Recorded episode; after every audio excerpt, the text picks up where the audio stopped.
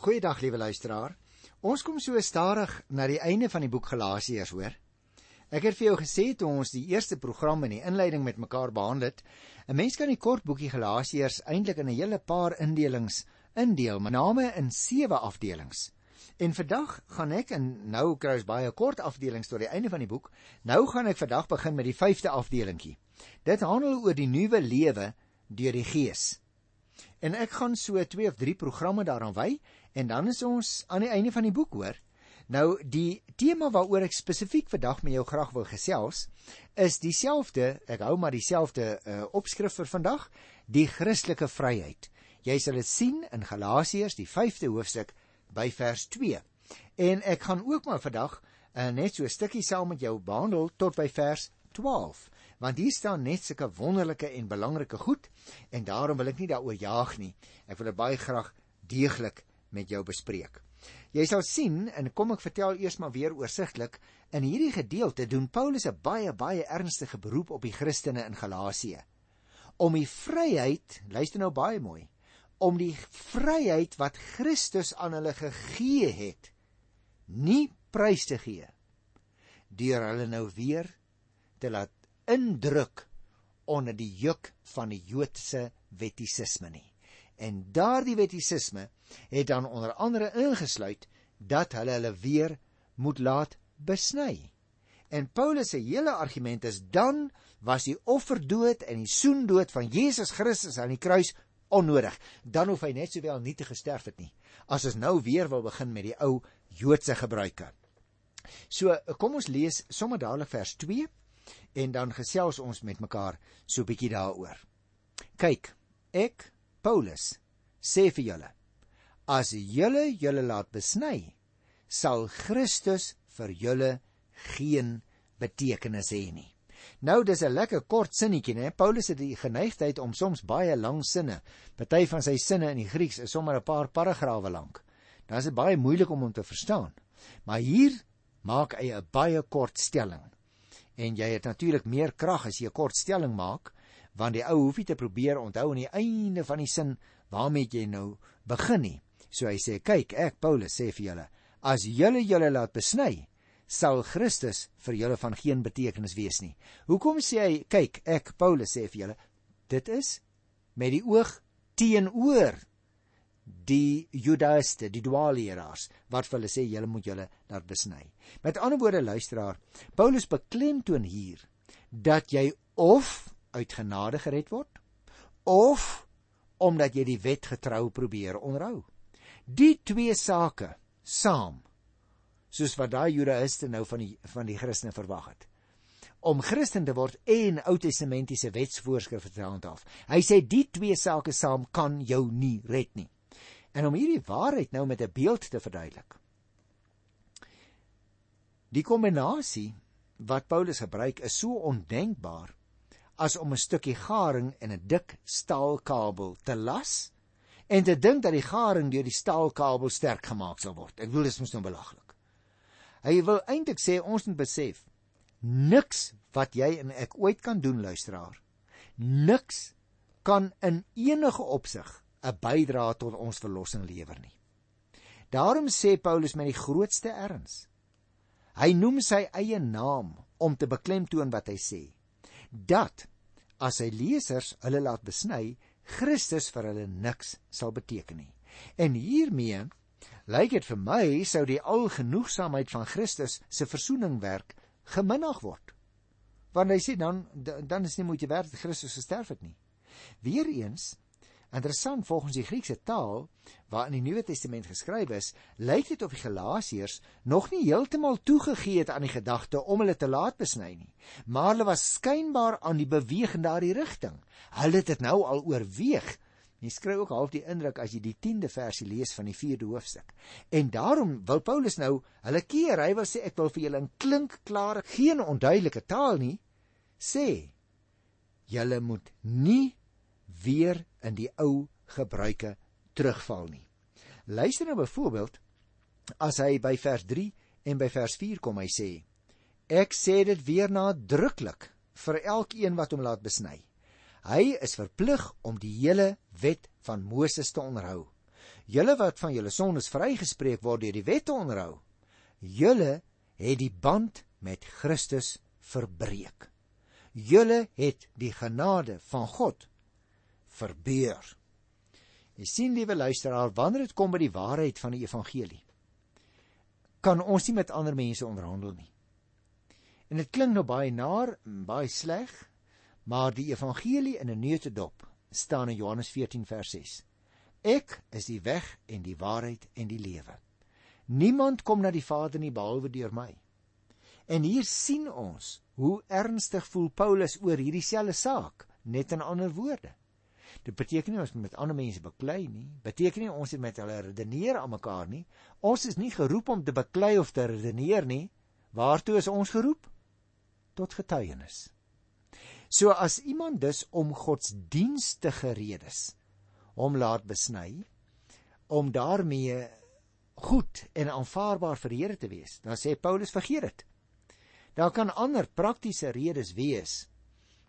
As 'n seentjie gebore word en hy kan moeilik urineer of uh as 'n bepaalde siektes ontstaan en hulle moet besny of om higiëniese redes uh is heeltemal in orde, daar's geen probleem nie.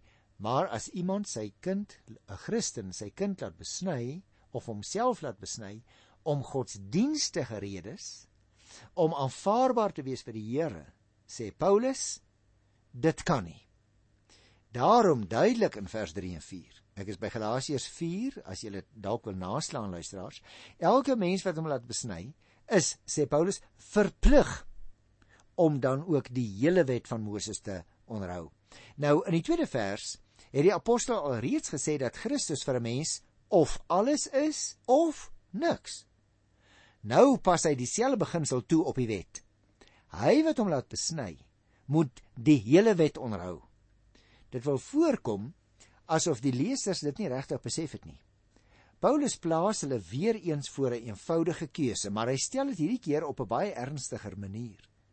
Wie vir Christus verwerp en die besnydenis verkies, wil vrygespreek word op grond van wetsonderhouding. Dit beteken dat so iemand sê hy die band met Christus verbreek en die genade van God verbeur. Daar kan geen twyfel wees nie. Die apostel voel geweldig ernstig oor hierdie saak dat 'n mens iets wil byvoeg tot jou saligheid deur uiterlik aan jou liggaam iets te laat doen. Is interessant wat uh, wat 'n mens opmerk as jy fyn lees in vers 5. Luister.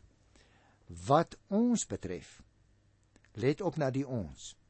Wat ons betref.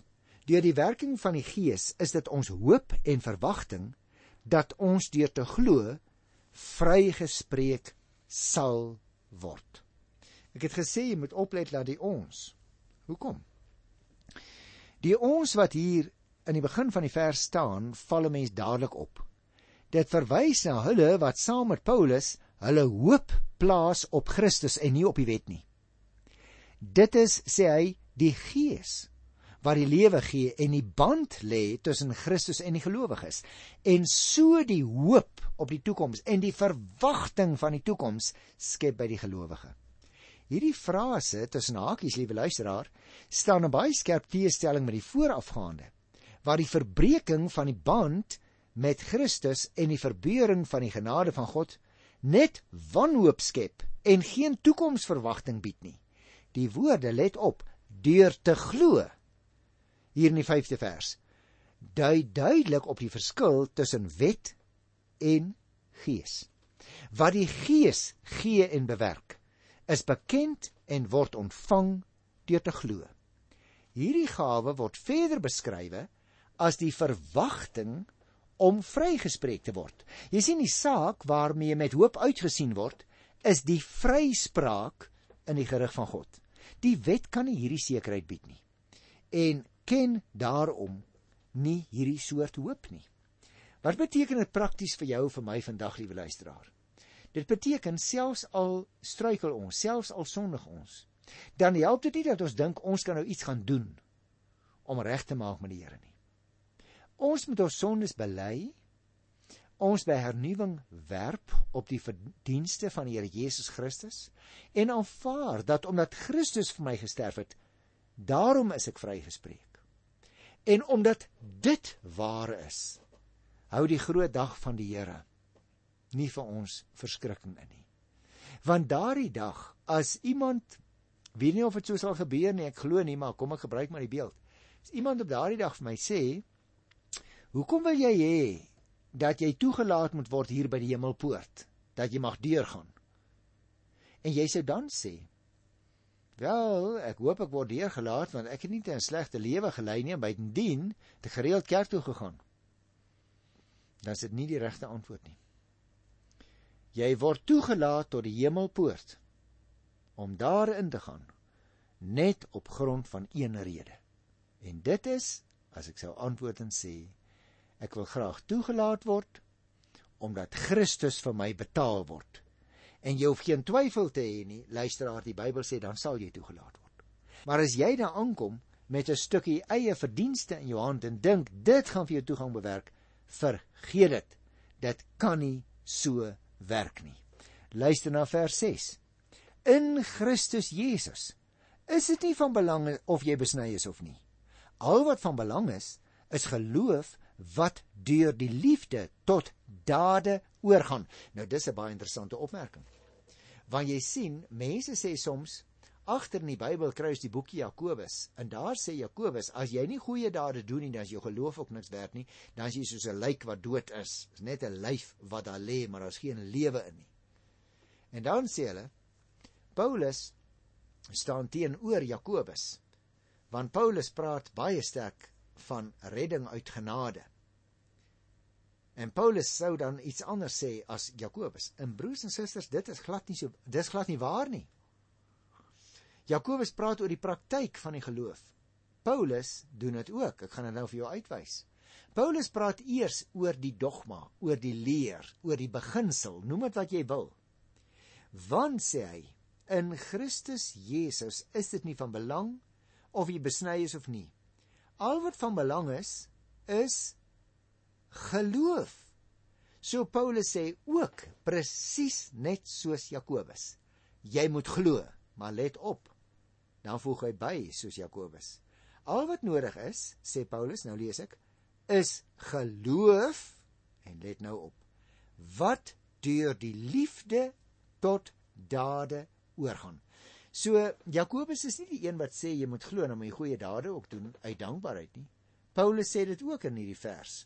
Galasiërs 5 vers 6. Jy moet glo en dan moet daardie geloof outomaties kom tot dankbaarheidsdade. Andersom gesê, dit sal blyk uit jou en my dade, liewe luisteraar, of ons werklik in Christus glo as daar geen goeie dade in ons lewe is nie, dan kan daar met reg 'n vraagteken gestel word agter die egtheid van ons geloof. Dra jy goeie vrug? Want as jy nie goeie vrug dra nie, is jy nie 'n goeie boom nie. Gaan lees maar in die Bybel by die begin reg by die begin van die openbare optrede van Johannes die Doper en die Here Jesus. Goeie bome word aan hulle goeie vrugte geken. Nou ja, goed, kom ons gaan nou 'n bietjie verder. Kom ons lees vers 7 en 8 hier by Galasiërs 5. Julle was so goed op pad. Wie het julle verhinder om die waarheid te bly gehoorsaam? Wie het julle omgepraat? Nie God nie. Hy roep julle tot gehoorsaamheid. So jy sien dis 'n baie belangrike opmerking wat die apostel nou hier maak. Paulus herinner naamlik die Galasiërs weer aan daardie tyd toe hulle nog nie onder die invloed van die vals leraars was nie, nog nie toegegee het aan hulle dwaalinge nie. Hy gebruik hierdie keer die beeld van die wedloop. Hulle was goed op pad, sê hy, om hulle lewe aan Christus te wy. Hy vra met ander woorde nou wie hulle dan verhinder het om die waarheid te bly gehoorsaam. En hierdie vraag luisteraar is nie uit onkunde gestel nie, maar uit verbasing. Hy sê kan nie glo dat julle julle deur daai mense laat mislei het nie. Met die waarheid word hier natuurlik die evangelie bedoel. God het hulle nie verhinder om in die waarheid te glo nie, sê die apostel. Want hy roep hulle tot gehoorsaamheid. Dis juis die Here wat hulle roep om gehoorsaam te bly aan die evangelie. Dis nie hy wat hulle verhinder het om die waarheid te glo nie. Die Satan kon dit wel gedoen het, dit is waar.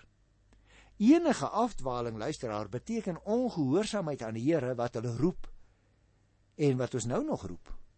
So dit kan ongehoorsaamheid wees. Dit kan wees dat die duiwel ons moet lei, dis alles waar. Maar dan moet ons terugkom na die Here toe. Luister byvoorbeeld na die 9de vers is baie duidelik. 'n Bietjie suurdeeg deurtrek die hele deeg.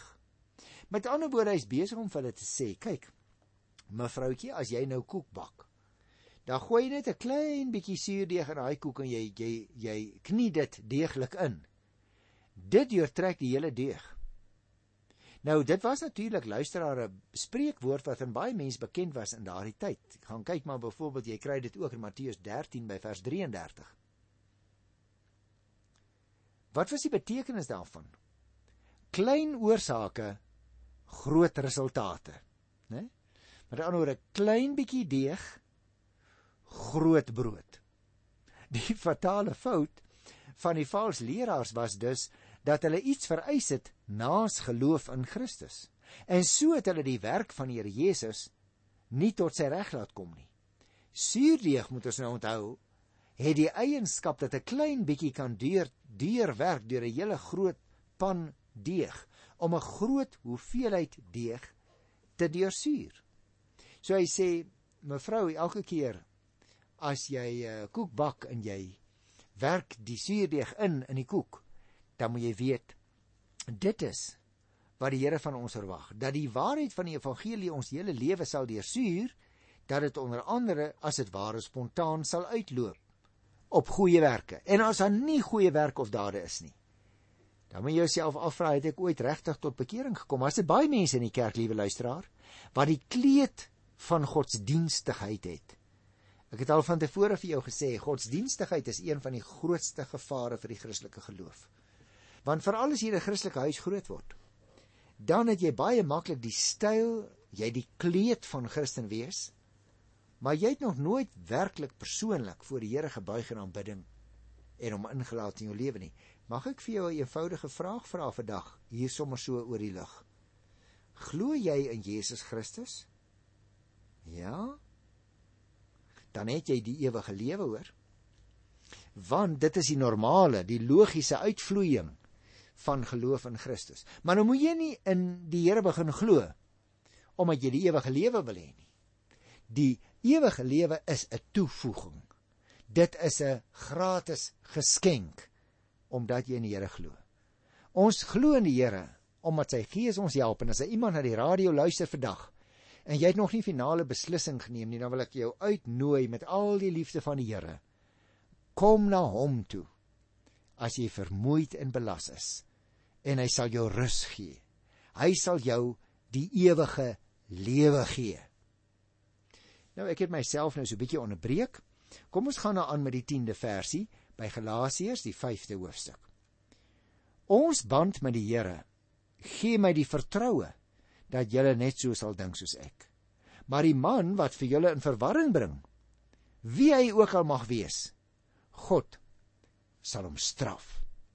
Jy sien, hoewel die apostel 'n paar keer laat blyk het hoe ernstig hy is oor die toestand van die Galasiërs, spreek Paulus nou sy vertroue uit dat hulle na wat hy nou reeds vir hulle geskryf het, weer met hom sal saamstem. Sy vertroue is natuurlik, so skryf hy, Sy vertroue is natuurlik gegrond op hulle gemeenskaplike geloof in Christus, want hy en hulle glo in die Here. Hieruit is dit af te lei dat sy lesers nog nie tot die afvalligheid waarvan ons gelees het in vers 4 oorgegaan het nie. Hy spreek hom egter baie sterk uit oor die valse leraars, want hulle skep verwarring. En jy het dit ook seker al in 'n gemeente gesien, hè?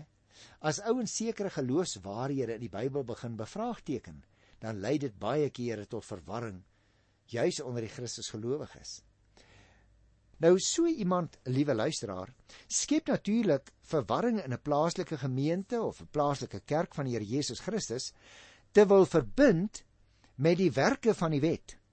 En as so iemand dit wil doen om te sê hoor jy kan Christen word, maar jy moet nog dit en dat nakom, dan veroordeel Paulus hom. Hoewel die Here se naam in die Grieks glad nie hier genoem word nie, is hier 'n blyklike verwysing na die feit dat God so iemand sal straf. Veral in die einddoel. As jy dus vir die eerste keer of vir die soveelste maal vandag hierdie uitnodiging hoor, liewe luisteraar, en jy verwerp dit willens en wetens terwyl jy nou verstaan dat 'n mens net gered kan word deur geloof in Christus. En jy en jy verwerp dit, jy aanvaar dit nie. Dan moet jy oppas dan bly die straf van die Here op jou hoor. Immers deur Jesus het dit self gesê in uh, Johannes 3 vers 36. Hy wat in die Seun glo, het die ewige lewe, maar word dan bygevoeg hy wat aan die seun ongehoorsaam is met ander woorde hy wat nie wil glo nadat hy gehoor het nie die straf van God bly op hom. Ek wil graag nog die 11de en die 12de vers vandag in hierdie program doen. Daarom lees ek eers vers 11 wat my betref broers as ek nog verkondig dat 'n mens besny moet word waarom word ek dan nog vervolg dan is die kruis as struikelblok mos uit die weg geruim. Paulus noem dis eintlik hier 'n tweede argument. Hy sê julle daar in Galasië, julle weet tog hoe swaar kry ek. Ek word nog steeds ter wille van die evangelie vervolg. Maar weet julle wat? Ek word nie vervolg omdat ek besny is nie.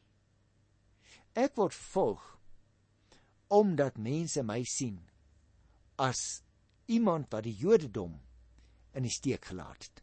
So die Jode vervolg Paulus nog steeds, want hulle beskou hom as 'n verraaier, maar hy verduur dit as dit ware met 'n glimlag omdat hy weet dit is ter wille van die Here se saak.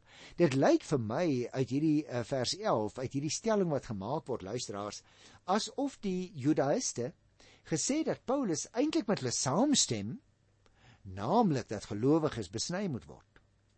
Paulus se vervolging wys egter dat hulle nie die waarheid praat nie. Hieruit blyk dit dat mensvervolging nie net negatief moet beleef nie, hoor. Want vervolging kan ook soms die bewys wees dat jy vir die Here uitgestaan het. Daarom hou die ouens nie vir jou nie. En daarom kan ek verstaan dat daar in die geskiedenis al baie kere oor hierdie spesifieke vers Galasiërs 5 vers 11 verskil van mening was. Dit wil naamlik voorkom of Paulus hier net 'n hipotetiese geval noem asof hy soos die vals leraars die besnydenis sou verkondig. Maar dan sê hy dan sou hy geen vervolging hoef te verduur het nie want dan sou die struikelblok van die kruis mos verwyder wees. Die kruis is natuurlik 'n struikelblok liewe luisteraars vir die Jode maar ook vir elke mens in ons dag wat die boodskap van die kruis hoor en dit nie aanvaar nie En dit is so, nie almal aanvaar dit nie.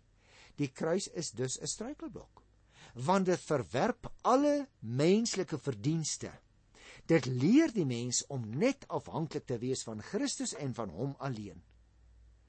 Dit mag natuurlik ook wees dat die valse leraars gesê het dat Paulus self die besnydenis goedgekeur het. Soos hy wel gedoen het in die geval van Timoteus.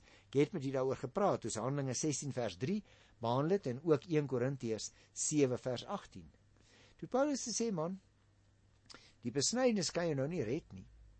Maar as uh, jy meer aanvaarbaar kan wees, jy wat Timoteus is, en jy voel jy wil om praktiese redes jou laat besny, dan is dit in orde. Maar daar kan nie godsdienstige Bybelse reëls wees wat verwag dat jy besny moes word nie. Paulus se antwoord is dus dat hy vervolg word juis omdat hy nie die noodsaaklikheid van die besnydings verkondig het nie, maar alleen die kruis. Jy sal onthou toe as die boek begin het, het Paulus gesê: Ek het my voorgenem om niks anders onder julle te weet nie behalwe Christus as die gekruisigde.